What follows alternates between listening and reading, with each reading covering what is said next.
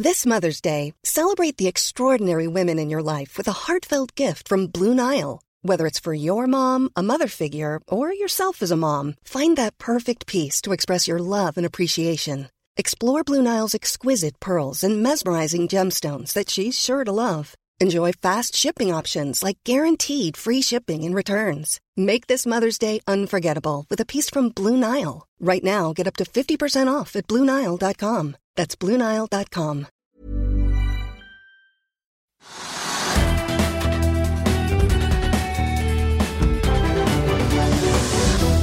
Hei og velkommen til Økonominyhetene. I dag blir det teknisk analyse av Avanse Gass. Eh, Men vi begynner, vi går rett på Oslo Børs, Trygve. Det er litt ned.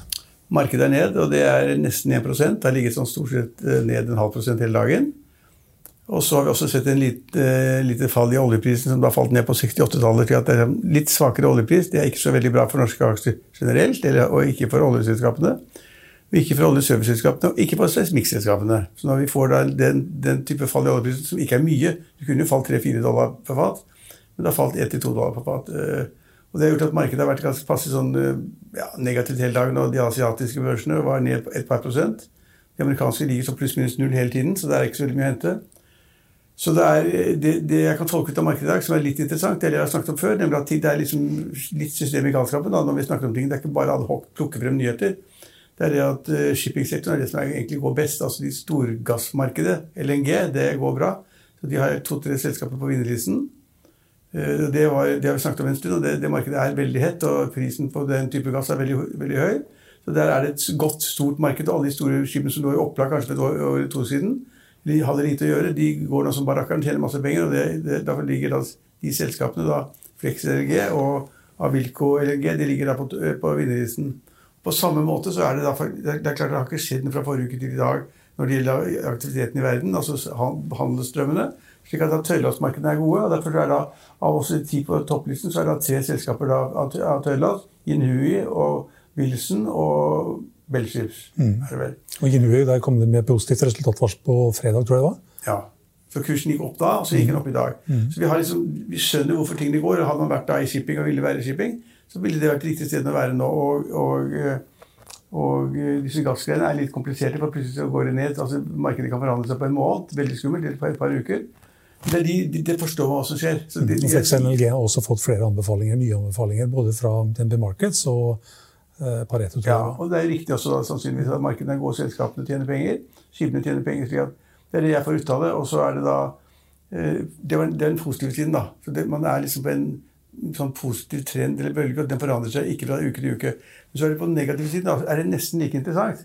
Men der er det mer hurtigere endringer, og det er det at de selskapene som har vært innen ESG-sektoren, eller nyforbarsektoren, eller hva det måtte være, de har fått en kjempesmell. Så jeg tror jeg talte opp Kjell Inge Røkke hadde liksom seks eller syv selskaper som var ned 4-5% eller 6-7 og det var liksom ned for karbonfangst, ned for havvind, ned for hydrogenselskapet, ned for alt sammen. Så mellom 4-5-6 og 7% forsvant da på en måte de ESG-selskapene ned. da. Uh, og det er et ganske kraftig tegn på at liksom, de har gått for mye. Der har vi fått et fall som er liksom da ganske kraftig. Uh, og så er det ikke noen oppgang der ennå. Det kommer ikke nye meldinger, det kommer ikke nye investeringer, det kommer ikke nye fusjoner, det kommer ikke nye fisjoner i røkkeselskapene. Nå har så mange selskaper innen hydrogen og den der fornybarsektoren. Og de, nå har markedet sannsynligvis tenkt at det der er for mye. Det, det, der skal det langt frem i tid før det blir penger av det. Og så var da kursene blåst opp. ikke sant? De som fikk da papirverdi på 3-4 milliarder kroner, mange av selskapene til Røkke. Så er det også andre, sånne, andre selskaper innen den sektoren som er nede i dag. slik at Jevnt over så er nedselskapene da de selskapene som er i den sektoren. Der, så det er vel ikke verdt for da, så Plutselig går det opp 3 og så sier folk å, så gøy. Og så går det opp 3 til, så syns folk det er kjempegøy. Og så plutselig så faller de 10 til 15% på to dager. så Altfor komplisert å være der for en sånn menig enkelt investor. Mm. Vi kan ta med at På toppen på taperlista så har vi fått inn Prosafe. Ja. Den kom akkurat nå. På toppen av taperlista, ja. Mm. ja for det, det, er, altså, altså, det er jo et boligriggselskap ikke som har vært forgjeldet og reforhandlet og restrukturert og hva det måtte være. Og de har på en måte Alle vet at hvis oljeprisen faller Nå har ikke oljeprisen falt så mye, senere, men hvis den faller, så er det første som folk da holder igjen på, det er liksom seismikkleting. Du gidder ikke bruke penger på det, for bibliotekene med, med seismikkunnskap er der. Og så gidder man ikke sette i gang nye leteoperasjoner. ikke sant? Så trenger man, Hvis man ikke har nye boreoperasjoner, leting, så trenger man færre da senger til å bo i for å da ha de menneskene som skal da drive letingen. Så Prosep er et rent borettselskap som kom ganske, ganske sent i strukturen på leting etter olje. Der er det ikke noe særlig håp. Mm, og så er det vel under konkursbeskyttelse i Singapore, tror jeg. Der er det vel en deadline et eller annet sted rundt nå? Ja, det kan så jeg kanskje det er noe usikkerhet rundt det? Så er det et par sånne seismikkselskaper som er også da helt krise. Det er jo TGS og PGS. Eh, så det er heller ikke håp. Og de ligger også på taperlisten, selvfølgelig. Mm. Når du tar da de oljerelaterte selskapene og disse såkalte ESG-selskapene, så får du en rekke med selskaper som er ned, og det er liksom ikke noe særlig å glede seg over. Tror jeg. Nei. Det er et annet selskap også inne på det her, et par andre selskaper også, som er sånn smått på vinterlista, men eh, Avilco LNG var det inne på. XLNG det er jo noen av de få selskapene på den mest omsatte lista som stiger i dag. Det er, liksom, det er Yara, DNB, Orkla, Flex LNG, Medistim ja. kan vi snakke litt om. Men i hvert fall det er de aksjene som stiger av de 30 mest omsatte. Ja, ok. Og det er, og det er skummelt. Shipping er ikke skummelt hvis man er på den riktige bølgen. Men så kan den gale bølgen vare i tre-fire år. ikke sant? Så det er liksom ved overkontrahering av gale markeder. Men, så der skal man ikke være. Og så tror jeg at man ikke skal være så veldig mye grunnet selskapene heller, selv om alle sier at man bør være der. Det er det som er fremtiden. Men for de som trader i aksjemarkedet, så er det altfor komplisert. Spiller utviklingen i Afghanistan inn i aksjemarkedet, tror du? Kan ikke tenke meg det. Nei, ikke, ikke helt Nei, jeg, jeg, kan egentlig ikke tenke meg det, faktisk. For de er så isolert og driver med sitt. og Har noe der liksom, man kunne tenke, har Afghan, Afghanistan olje? Ikke som jeg vet om, i hvert fall. Og har de gass? Nei, ikke som jeg vet om. Har de industri? Ikke som jeg vet om. Har de, har de noe annet har de noen turistattraksjoner? Det, det, er ingen som er der. Altså, er Men kanskje liksom, noen investorer blir sånn generelt litt utrygge Nei, jeg, Jeg tror ikke på det. Altså, hadde, hadde det blitt en lang krig men nå var det ikke noe krig. Det var jo 300 000 da regjeringssoldater med fullt utstyr som da var landvåpenet. Ble ikke, ble ikke løsnet et skudd. Da, så det, nå har de tatt makta, og det er ganske stygt. Det, jeg syns det er litt sånn deprimerende når jeg så på nyhetssendingen i går. så det er virkelig deprimerende å se at da samfunnskampen blir overtatt på så enkel måte. Og vi vet da hva konsekvensene er for kvinner som da ikke skal få jobb, ikke får gå på gaten uten en mannlig ledsager, ikke skal studere. Eh, altså, alt er gærent. Og burka, full mundur De hadde begynt med det, ikke sant? for de er livredde. De et samfunn som måtte ha vært holdt litt sånn sjakk ved 2000-3000 amerikanske soldater og europeiske soldater, inkludert norske. For at liksom, Taliban har ikke gjort så mye, og plutselig så liksom detter helt sammen i løpet av noen timer. Eh, fordi Biden og USA sa at vi skal trekke oss ut, og den datoen er helt klar. Så da visste alle Taliban-planleggere og kommandanter og sjefer de visste at da er de ute. Og så kan vi planlegge hvordan vi skal overta hele Afghanistan inntil de er ute. Og det er gjort. Og så vant de.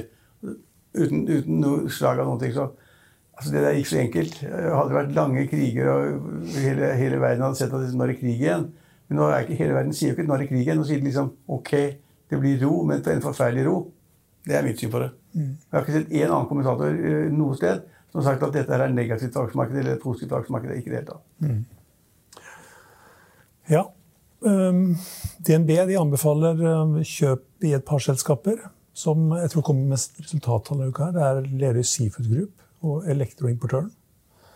Men, men, det er jo mange som nå har analysert eh, eh, oppdrettsnæringen for tiden. da. Mm. Og det er, liksom, det er, ingen som sier at det skal selge. Det er ingen som sier kjøp heller. Det ligger liksom pluss-minus null. Så det er, ja. Mm. Ellers, uh, Paul Harper han så på forsiden på Finansavisen i sted. Han tror at det kanskje kan komme en korreksjon nå. Men han har likevel åtte aksjer som han anbefaler.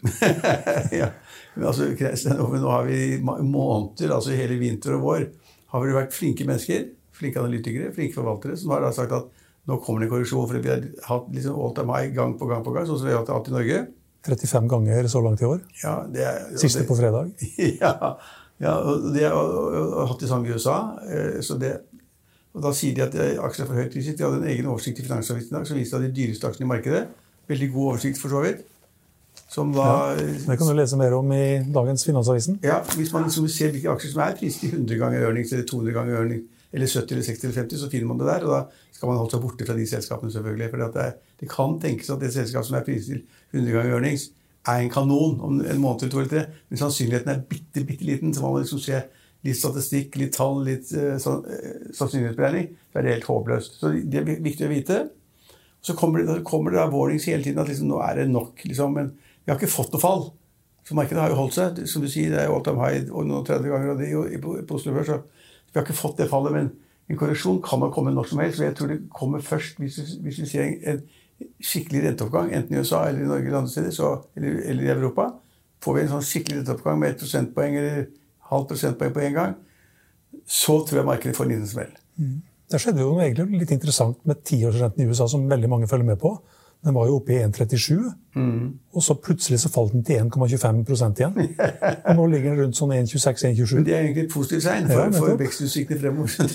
Alle tror at den skal liksom rett opp til 2 og ja. så faller den til 1,25 igjen. Ja, det er, så det, det, det, er, det er riktig. men det, har jeg ikke svar på hvorfor det er sånn. Men det, gjør at, det er jo åpenbart da, et av de signalene som gjør at man ikke får et fall i markedene.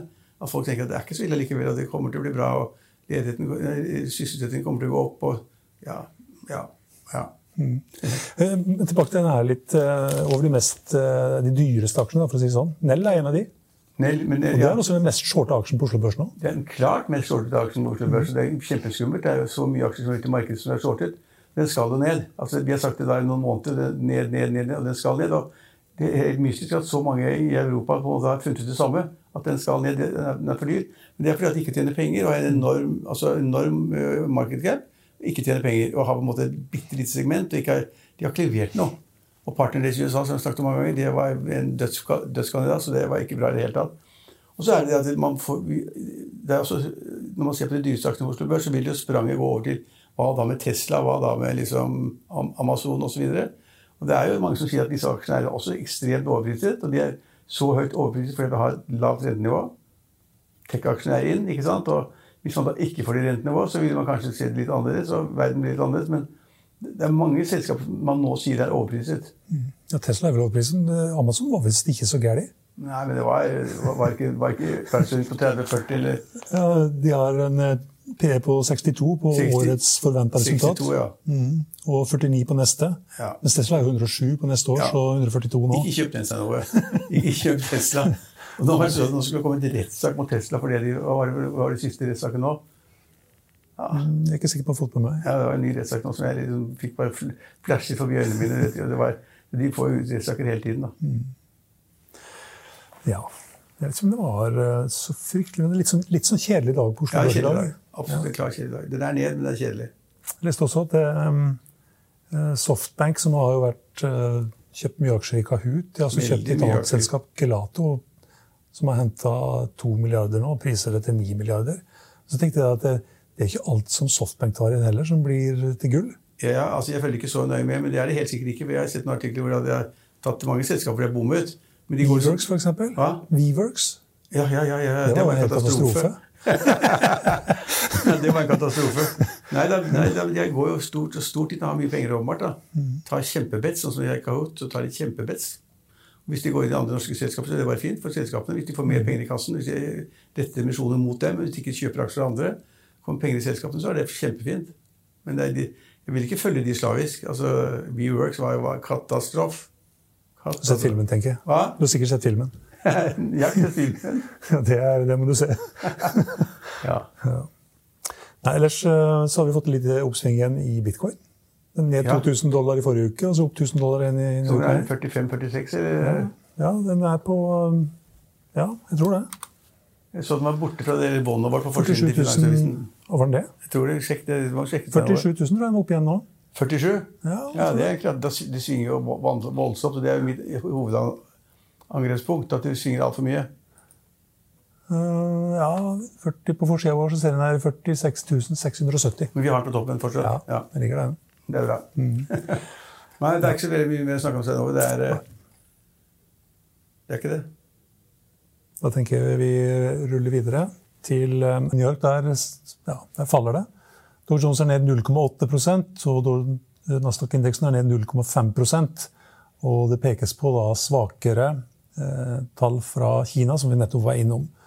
Vi kan også ta med at eh, tiårsrenten, som vi var innom innledningsvis, den faller nå kraftig fra 1,28. Den var jo nede på 1,25 tidligere i dag. Så har den vært oppimot 1,28. Og så har den nå stupt faktisk i løpet av de siste minuttene til 1,24% tiårsrenten i USA. Hvis vi ser på de aksjene som inngår i Dow Jones-indeksen, som det er 30 stykker av, så er det bare seks eh, aksjer som stiger. Det er Amgen, Apple og Microsoft. De stiger henholdsvis 0,7 og 0,4 Eh, på bunnen finner vi Boeing, Doe og Goldman Sachs, fulgt av JP Morgan og Chevron.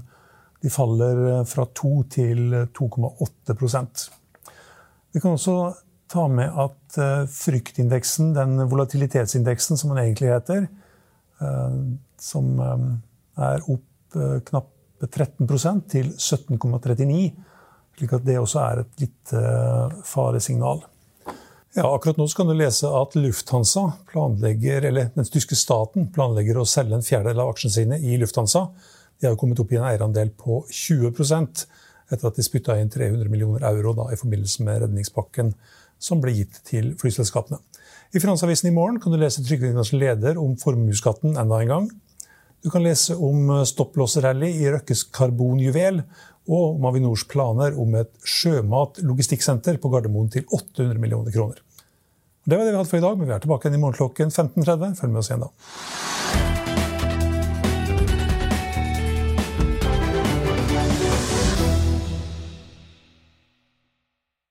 Økonominyhetene er en podkast fra Finansavisen. Programledere er Marius Lorentzen, Stein Ove Haugen og Benedikte Storm Bamvik. Produsenter er Lars Brenden Skram og Bashar Johar.